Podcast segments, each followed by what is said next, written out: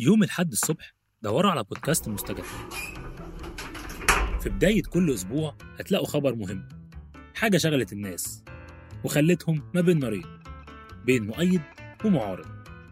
وما بين ده وده إحنا هنغوص كده. نشوف التفاصيل عشان نعرف أكتر ونفهم. ونحاول في النهاية نلاقي بصيص أمل في آخر النفق المظلم جدا في نشرات الأخبار.